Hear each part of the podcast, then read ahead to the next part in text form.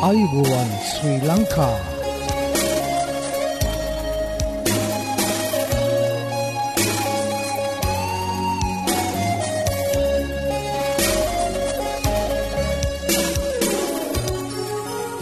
ඔබට සුපදවස මේ ඇඩවෙන්ටිස් වර්ල් රේඩියෝ බලාපොරොත්වය හඬයි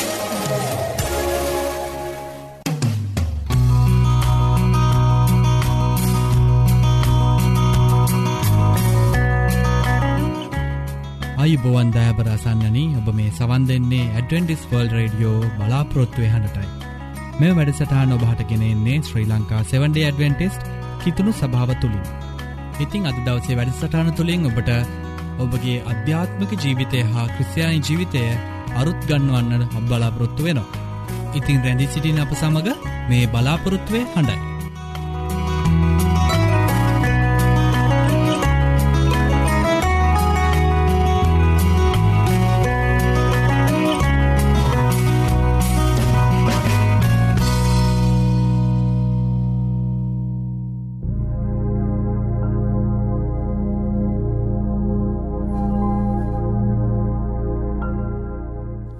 බයිබල් පාටය ශුද්ධ වූ මතය උපතේ හයවැනි පරිච්චේදේ දහ නම වන පදය. පොළවෙහි නුඹලාට වස්තු රැස් කර නොතබන්න. එහිදී කාවෝත මලකඩ ඒවා නාස්ති කරති. සොරද උමං කැන සොරා ගනිති. නමුත් ස්වර්ගහෙ නුඹලාට වස්තු රැස්කර තබා ගන්න. එහිදී කාවෝවත් මලකඩවත් ඒවා නාස්තින කරති. සොරු උමං කැන සොරා නොගනිති. මක්නිසාද නුඹේ වස්තුව යම් තැනෙකිද නුබේ සිතත් එතෙනෙහිම වන්නේය. ආමෙන්.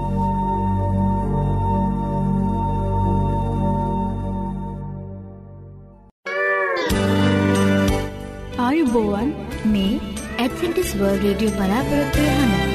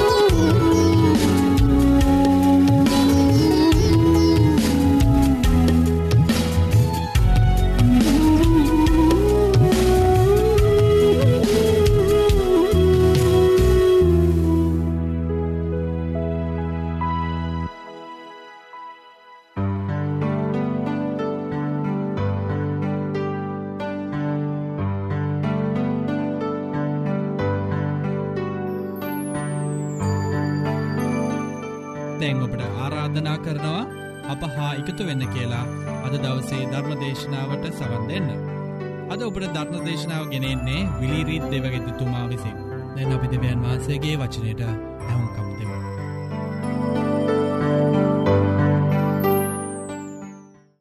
සුබ සන්ධ්‍යාවක් අසන්නෙන ඔබ සියලු දෙනාටම දෙවියන් වහන්සේගේ ආශිරුවාද ලැබෙත්වා. අද ඔබ සවන් දෙන මාතෘකාව ක්‍රස්තියානි භක්තිකයාගේ සිවිල් යුතුකම් යනුවෙන් තෝරාගෙන තිබෙනවා. ක්‍රස්තියානි බැතිමතුන් ලෙස අපේ නිජබිමවන අපේ උපන් රට වෙනුවෙන් ඉටුවේ යුතු යුතුකම් තිබෙනවා. අප උපන් රට අපි මැරෙන රට ශ්‍රී ලංකාවයි. රටේ සියලු දෙනාගේම යහපත සඳහා ආගම් බෙහෙද ජාති බෙහෙද කුල බෙහෙද නොතකා ඉන්දියන් සාගරයේ මුතු ඇටය ඉන්දියන් සාගරයේ පාරාදීශය යනුවෙන් හැඳින්වෙන ශ්‍රී ලංකාව ගොඩ නැංවීපට ක්‍රස්තියානි පුරවැසයාගේ යුතුකම් මොනවාද. දැනටමත් ඔබේ සිතේ මෙම ප්‍රශ්නය ඔබගේ මතකයට එන්නට ඇති නේද. අපගේ අධ්‍යාත්මික මානසික ශාරීරික සහ සමාජීය ජීවිතයට මඟ පෙන්වන සුද්ද බයිබලය අපට මේ ගැන පැහැදිලි කරදීමක් කර දෙනවා. අපේ ජීවිතයට ආදාළ ප්‍රතිපත්ති ගුණධර්ම සුද්ද බයිබලයේ දෙවියන් වහන්සේ අපට පෙන්වාදී තිබෙනවා. යහපත් ක්‍රස්තියානි පුරවැසියකු වශයෙන් අපි පිළිපැදී යුතු ප්‍රතිපත්ති තිබෙනවා. පළමුකොටම අපි සිතේ තබාගතයුතු කරුණ නම් රාජ්‍යවල් පිහිටවන්නේත් ඒවා ඉවත් කරන්නේත් දෙවියන් වහන්සේ බව. දානියල්ගේ පොතේ දෙවැනි පරිච්චේදේ විසියක්කෙනි පදය දෙස අපගේ සිත යොමු කරමු. කාලවල්ද ප්‍රස්ථාවල්ද වෙනස් කරන්නේත් රජවරුන් පහ කරන්නේත් රජවරුන් පත් කරන්නෙත් ප්‍රඥාවන්තයන්ට ප්‍රඥාවද නුවන ඇත්තන්ට දැනුමද දෙන්නේත් උන්වහන්සේය. එහින් රටටත් රාජ්‍යනායකෙන්ටත් රාජ්‍ය පාලකයන්ටත් ගෞරුවය කිරීම වැදගත් බව බයිබලය පවසනවා. එසේ නම් ක්‍රස්තියානි බැතිමතුන් බයිබලේ ඇති ප්‍රතිපත්ති රාමුව තුළ රජයට ආණ්ඩුවට යටත් විය යුතුයි. රෝමරුන්ගේ පොතේ දොළොස්වනි පරිච්චේදේ පළවෙනි වගන්තියේ අපෝස්තුළු පවුල්තුමා මෙන්න මේ විදිහට ඒ සිවිල් නීතිරීති පිළිපැදීම ගැන සඳහන් කරතිබෙනවා. සැම දෙනාම බලයලත් මුලාදෑනින්ට යටත් වෙත්වා. මෙතන බලයලත් මුලෑදානින් යනුවෙන් අදහස් කරන්නේ රාජ්‍ය පාලකයන් සහ ආණ්ඩුවේ බලධාරින් යනුවෙන්ය. යම් පුරවැසියෙක් රාජ්‍ය පාලකයන්ට විරුද්ධව සිටිත් නම්. එවැන් තැනැත්තා දෙවියන් වහන්සේගේ නියෝගවලටද විරුද්ධව සිටි. එසේ විරුද්ධව සිටින්නා තමුන් පිටට දඩුවම් පමුණවාගන්නා බව රෝමපොතේ දොළොස්වනි පරිච්චේදේ දෙවැනි වගන්තයේ සඳහන් කරතිබෙනවා. එපමනක් නොව ක්‍රස්තියානි පුරවැසියන් ලෙස රාජ්‍යනායකයන්ට සහ රාජ්‍ය නීතිවලට ගරු කරන අය විය යුතුයි. යහපත් හැසිරීමක් සහ අධිපතීන්ට යටත්වීම ක්‍රස්තියානි පුරවැසියා තුළ තිබිය යුතු ගුණධර්මයක් ලෙස අපෝස්තුළු පේත්‍රස්තුමා එතුමාගේ පොතේ පළවිනි පේත්‍රස්ගේ පොතේ පළවෙනි පරිච්චේදය දෙවනි පරිච්චේදේ දහතුන්ගනි වගන්තියේ මෙන්න මේ විදිහට ඔහු සඳහන් කර තිබෙනවා. උත්තමයාව සිටින රජුට වේවා ආණ්ඩුකාරයන්ට වේවා සියලු මනුෂ්‍ය නියෝගවලට ස්වාමින් වහන්සේ නිසා යටත් වෙන්න. එසේය ඔබලා නිදහස් අය නුමුත් ඒ නිදහස නපුරට වැස්මක් කොට නොව දෙවියන් වහන්සේගේ දාසයන් මෙන් ව්‍යවහාර කරන්න. අපට රටේ නිදහස තිබුණට ඒ නිදහස තුළින් රාජ්‍ය නියෝග කඩකිරීමට හෝ රාජ්‍ය විරෝධී වැඩකටයුල්තට යෙදීම ක්‍රස්තියානි භක්තිකයාට යුතුකාරණයක් නොවෙයි. තවදුරටත් පේත්‍රතුමා මෙසේ පවසනවා. සියල්ලන්ටම ගෞරවය කරන්න. සහෝදර සමාගමට ප්‍රේම කරන්නට. දෙවියන් වහන්සේට බයව සිටින්න රජ්ජුරුවන්ට ගෞරය කරන්න. යහපත් ක්‍රස්තියානි පුරවැසියන් ලෙස සියල්ලන්ටම ගෞරය කරන්න යනුවෙන් එම පදේ සඳහන් කර තිබෙනවා. අපේ රටේ විවිධ ජනවාර්ගික පුරවැසියන් සිටිනවා. නොෙක් ආගම් අදහන පුරවැසියන් සිටිනවා. ඔවුන් නොෙක් සිරිත්විරිත් අනුගමනය කරනවා. ක්‍රස්තියානි පුරවැසියෙක් ලෙස ඔවුන්ගේ අදහස්වලට ආගමික සිරිත්විරිත්වලට ගරුකිරීම ඉතාමත්ම වැදගත් කාරයක් වෙනවා. එක් එක් කෙනාගේ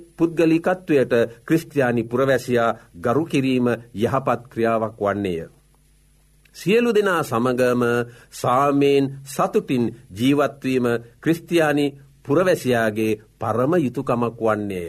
දෑබරසන්නෙන මේ යුතුකම ඔබ පැහැරහරිනවාද එසේ නැත්තම් මේ යුතුකම සුද්ද බයිබලය කියා තිබෙන පරිදි ඔබ ඉෂ්ට කරනවාද කියලා දැන් ඔබගේ සෙතින්වීම සාබලන්න.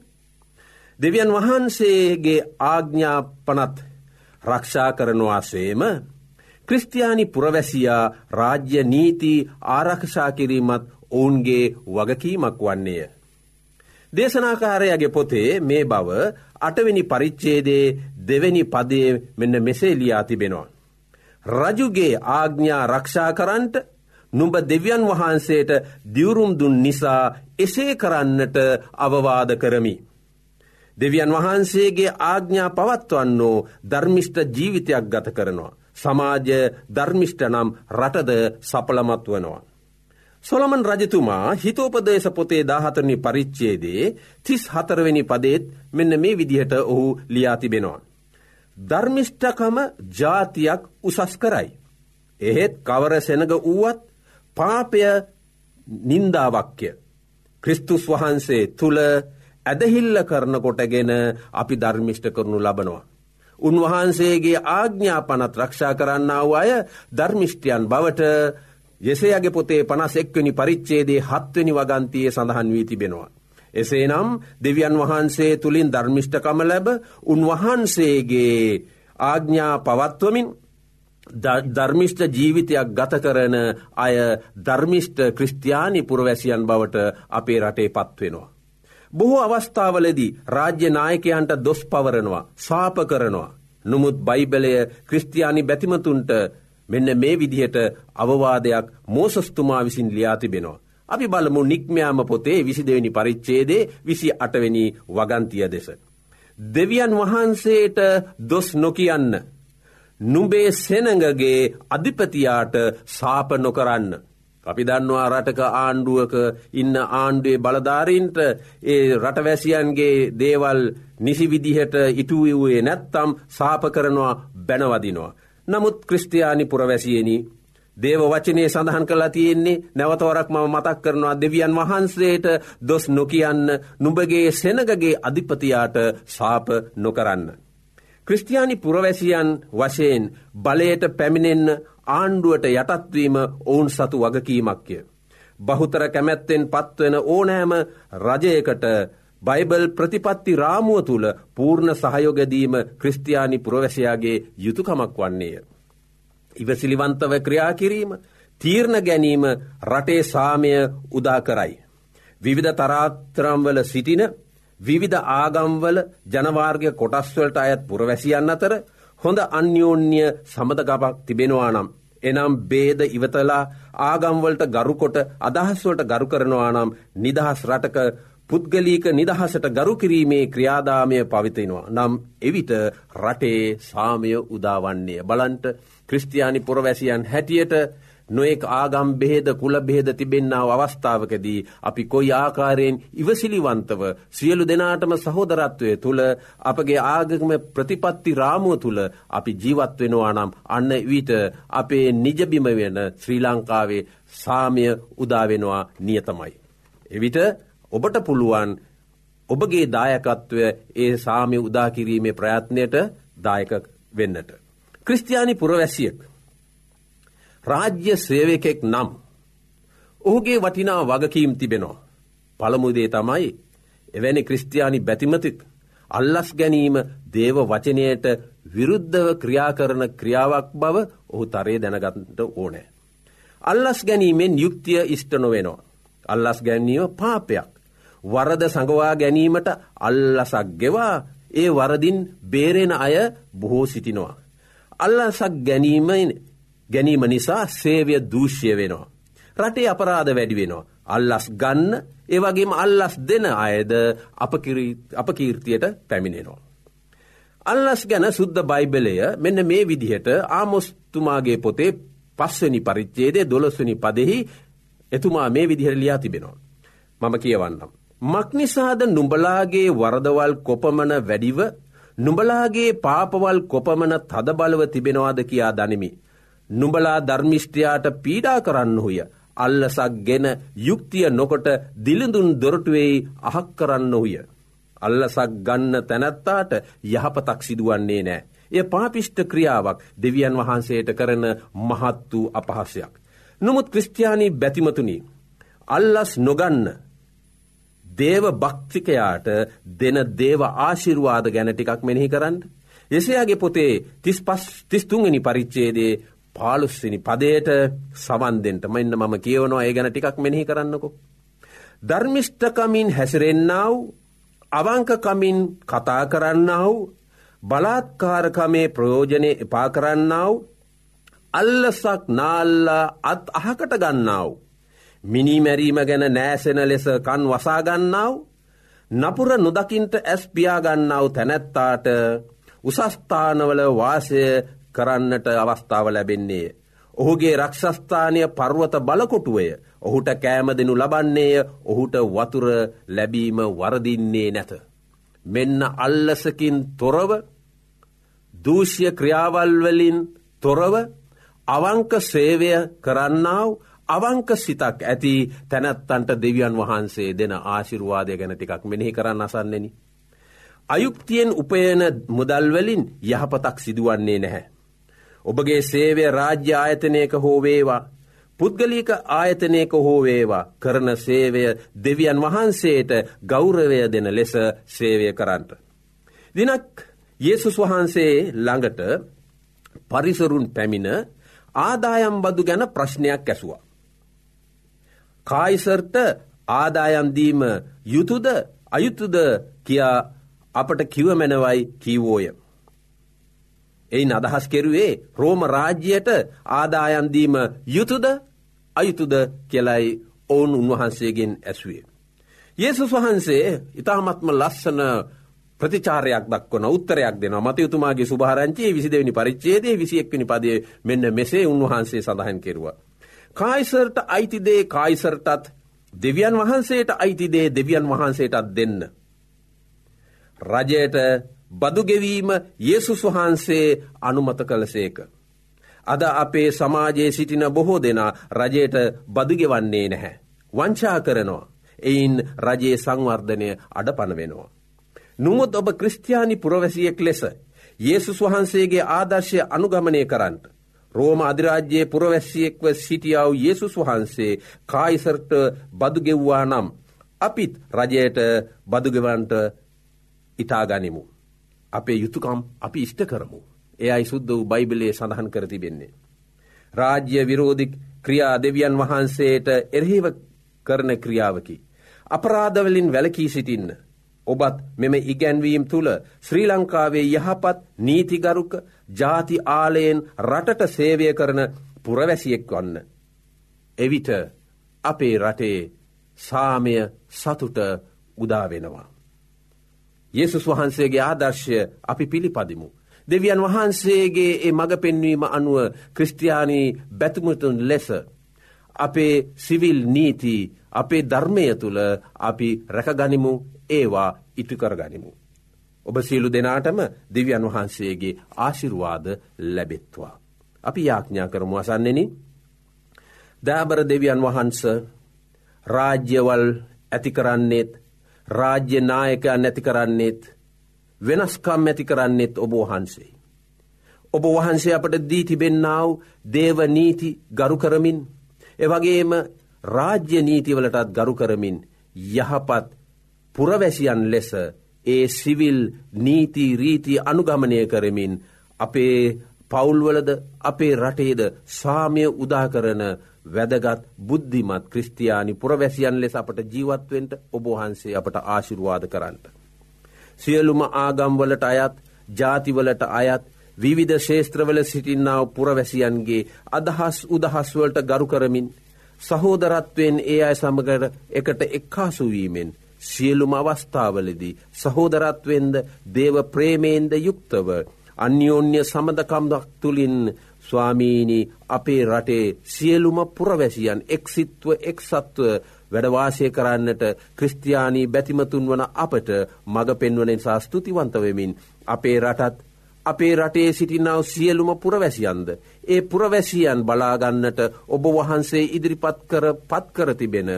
ඒ රාජ්‍ය නායකයන්ටද රාජ්‍යන්ටද ඔබ වහන්සේගේ ආශිර්වාද ලැබෙත්වා. සියලුම පුරවැසියන්ට අපේ රටටත් ඔබ වහන්සේගේ සතුට සමාධානය උදාවෙත්වයි ප්‍රාර්ථනා කරන්නේ අපගේ ගැලවුම්කාර ස්වාමියු යේසුස් වහන්සගේ නාමය නිසාමය.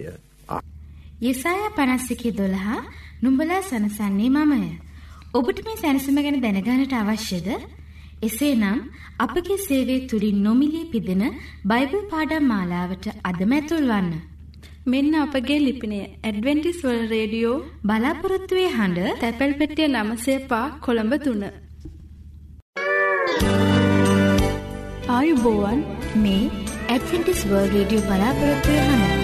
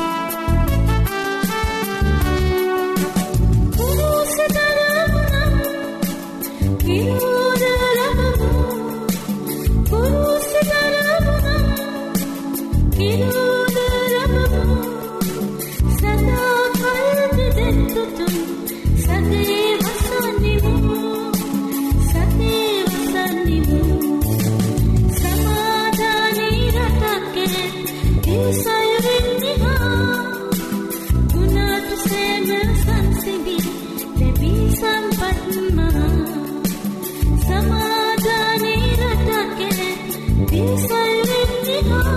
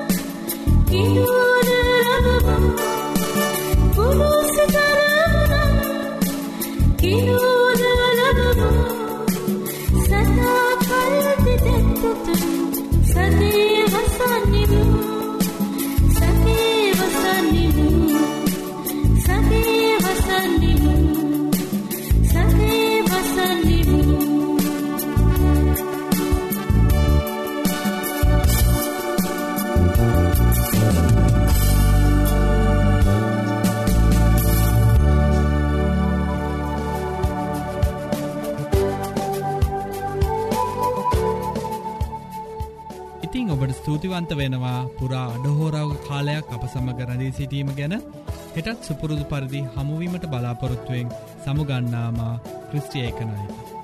ඔබට දෙවියන් වහන්සේගේ ආශිර්වාදය කරුණාව හිමිවේවා.